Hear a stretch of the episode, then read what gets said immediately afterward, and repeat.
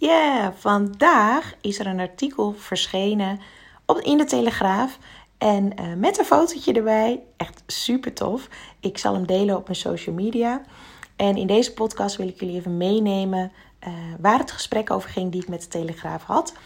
Uh, misschien weet je het al dat de Telegraaf mij regelmatig vraagt om, om opvoedadvies rondom opvoeddilemma's en dergelijke. je kan alle artikelen teruglezen uh, op mijn website onder het kopje media. Uh, echt super leuk. En deze keer sta ik dus uh, voor het eerst met een, met een fotootje erbij. Um, ik heb hem nog niet gezien, dus ik, ik moet het nog even afwachten. Nu ik deze podcast opneem, is het zaterdag. Dus hij komt maandag wordt gepubliceerd. Dus ik, ik ben benieuwd.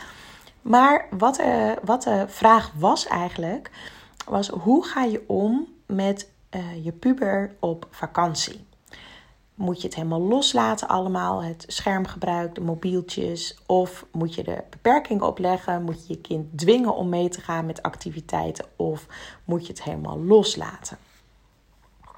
Um, dat was, ja, dat was eigenlijk de vraag. En uh, de journaliste die mij belde, die heeft ook uh, op de camping rondgelopen, heeft verschillende uh, gezinnen bevraagd en pubers en ouders, hoe zij er tegenaan keken. Echt superleuk, ook een mooi thema, actueel thema. En uh, toen zij mij belde, toen was ik net één dagje terug van de vakantie. Ook uh, met mijn eigen kinderen en mijn man.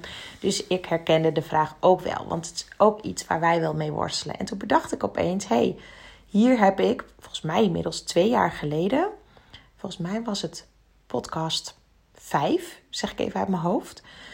Um, heb ik opgenomen over precies dit thema.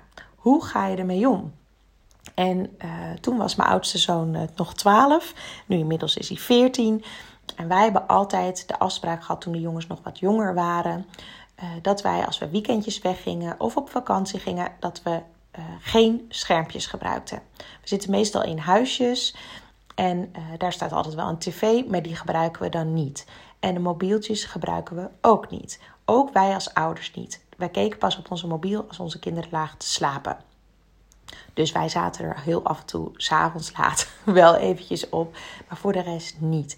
En de reden daarvan is eigenlijk om ze los te trekken van, uh, ja, van de schermpjes. Om echt contact met elkaar te, te krijgen. En je merkte ook toen ze wat jonger waren dat ze veel meer naar buiten gingen. Dat ze continu aan het spelen waren. Dat ze creatief werden met, uh, met, met het tekenen of, of met buitenspeelspelletjes bedenken of iets dergelijks. En wij konden daar zo intens van genieten. En je merkte ook gewoon dat er rust in hun terugkwam. En uh, je had ook geen gedoe met wanneer de schermpjes uit moesten en dergelijke, want we hadden ze gewoon niet. Maar wij wisten ook, als de jongens wat ouder worden, dan, dan kun je dit bijna niet meer volhouden. En een mobiel is ook veel meer voor onze tieners dan, uh, ja, dan dat het voor de meeste van ons is. En kijk zelf maar eens hoeveel je eigenlijk op je mobiel zit. Ik heb, je kan op je telefoon kan je aangeven dat je wil weten wat je schermtijd is. Ik schrok echt van mijn schermtijd. En ik neem natuurlijk de hele dag door stories op. Uh, ik check nu ik crypto's uh, ben, ben gaan investeren in crypto's. Uh, kijk ik regelmatig naar de koersen, hoe het ervoor staat. ik check mijn social media. Als ik berichtjes krijg, wil ik snel kunnen antwoorden. Um, mijn WhatsApp berichtjes, uh, nou, noem maar op. Mijn mail zit trouwens ook op mijn telefoon. Dus op een dag zat ik echt op zes uur schermtijd op mijn mobiel. Ja, ik vond het echt heel veel.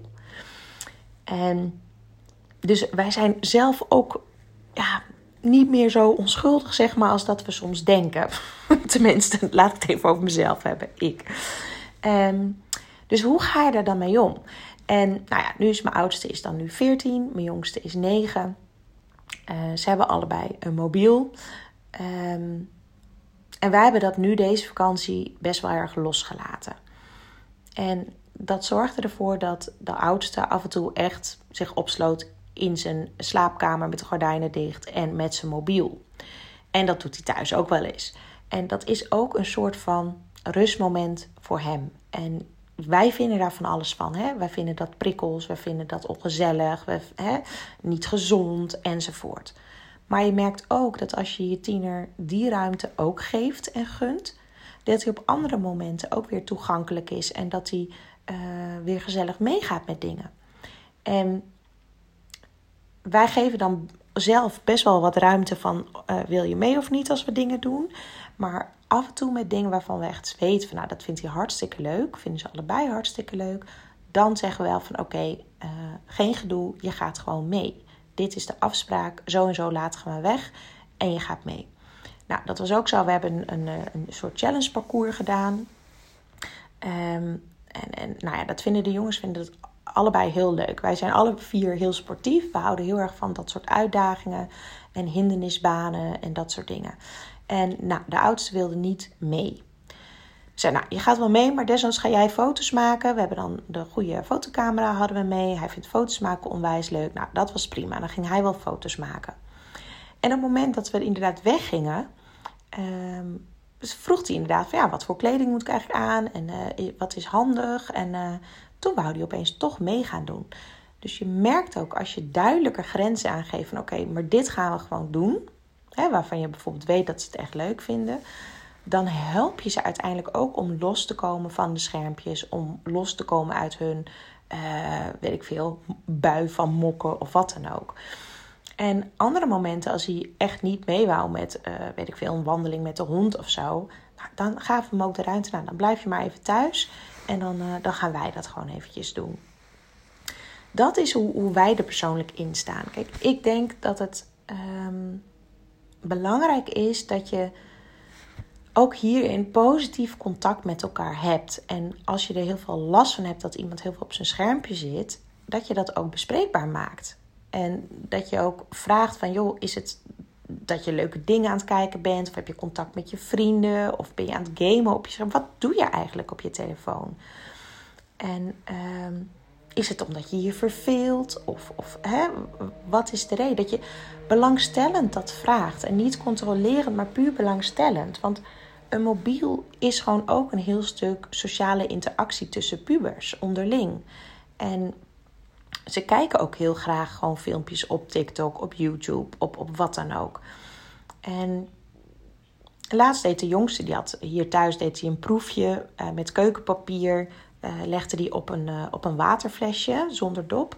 En maakte hij het keukenpapier aan de bovenkant nat. En dan ja, trok hij het eraf. En als je dan het flesje heel rustig op de kop doet, dan loopt het water er niet uit. Nou, hij had dat dus gezien op TikTok en hij gaat dan die experimenten nadoen. Het is dus niet allemaal per definitie slecht en negatief. En dat weten we ook wel diep in ons natuurlijk. Maar wij denken wel, ja, het kan toch nooit gezond zijn zo'n hele dag op zo'n schermpje. En nee, ik vind daar ook van alles van. En bij mij thuis hier zitten ze in de vakantie ook best wel veel op de schermpjes. Um, zoek daarin een balans met elkaar. En ik zeg echt niet, doe dit of doe dat. Maar doe vooral waar jullie je goed bij voelen. Hè? Het is ook de vakantie van je, van je tiener. En als je alles oplegt zoals jij vindt dat de vakantie eruit hoort te zien, dan is het jouw vakantie en niet die van je tiener. Dus blijf daarover met elkaar in gesprek. En ook hierin probeer zoveel mogelijk oordeelloos te blijven. Dat is vaak een uitdaging, hè? want eh, zit je nou weer op je mobiel? Of komt toch eens achter dat ding weg? Of je bent nou helemaal verslaafd? Of dat is allemaal een oordeel. We hebben een oordeel over iets wat je tiener heel leuk vindt. En daarmee heb je ook een oordeel over je tiener. En wijs je eigenlijk voor een stukje ook je tiener af. En zo bedoelen we dat helemaal niet. Um, maar dat is wel wat bij de tiener van binnen gebeurt. En wat wij bijvoorbeeld ook hebben gedaan, uh, want hij had op de nu ook zoiets, de oudste, van ja, ik, ik heb hier niks te doen op deze camping. Het is alleen maar uh, uh, zijn niet echt veel van mijn leeftijd. Nou, dat, dat viel best mee. Hij ging er gewoon niet echt op uit, moet ik eerlijk zeggen, om, uh, om andere tieners te ontmoeten. Maar ik zei: Oké, wat, wat mis jij nu hier op de camping? Wat zou je graag willen? Nou, hij wilde heel graag naar een zwemparadijs. En um, dat was niet echt in de buurt. Dus uh, op een dag zijn Jordi, mijn man, met de twee jongens, zijn ze een hele dag naar een groot zwemparadijs gegaan. En dat was wel een uur rijden, maar dat was fantastisch. En ik bleef met, bij Benji dan, bij de hond. Maar ze hebben een fantastische dag gehad. En zo merkt hij ook van, oh oké, ze luisteren dus ook naar wat ik graag wil, wat ik leuk vind. Dus zo leer je Tina ook van, oké, als jij iets mist of, of je verveelt, vertel maar wat je graag zou willen, wat je leuk lijkt. Dan kunnen we kijken of we dat hier in de omgeving kunnen doen. En die gesprekken zijn gewoon heel waardevol. En s'avonds misschien een spelletje. Of hè, kijk vooral wat, wat bij jullie gezin past en waar jullie blij van worden. En het is elk jaar en soms wel elke maand opnieuw zoeken naar het contact met elkaar en wie wordt waar blij van. Want het ontwikkelt zich enorm snel in de puberteit. Wat ze eerst heel leuk vonden, kunnen ze een maand later, later bewijzen van opeens niet meer leuk vinden. Of een dag later kan zelfs. Maar blijf daarover in contact en zonder oordeel. Dat oordeel, dat, dat mag echt weg, want daar help, help je niemand mee. Dus puur vanuit liefde en belangstelling weten van... hé, hey, waar word jij blij van? Wat vind jij leuk? En ik zou niet de focus te veel op dat mobieltje leggen. Dat mobieltje is mee op vakantie met je tiener. maar het, is, uh, het hoeft niet de hoofdzaak te zijn. Want dat, dat verpest alleen maar de sfeer, ook voor jezelf. En kijk vooral waar je zelf blij van wordt. Alright. Um, ja, nou, dit is hem. Ik ben heel benieuwd. Kijk je er ook zo tegenaan? Heb je een hele andere kijk erop, een hele andere mening? Misschien denk je van, ja, leuk deze hele podcast, maar ik heb dit gedoe helemaal niet met mijn tieners. Mijn tieners pakken een, een lekker boek en die gaan er heerlijk in lezen. Uh, die bestaan er ook nog. um, dan kan natuurlijk ook. Maar herken je het wel en heb je hieraan, je weet inmiddels, ik vind het super tof om reacties te krijgen op mijn podcast, om te weten wie er luisteren, wat je eruit haalt, wat je ervan vindt. En misschien heb je nog een vraag waar ik eventueel ook een volgende podcast over kan opnemen. Voor nu wens ik jullie een hele fijne week. Doei doei!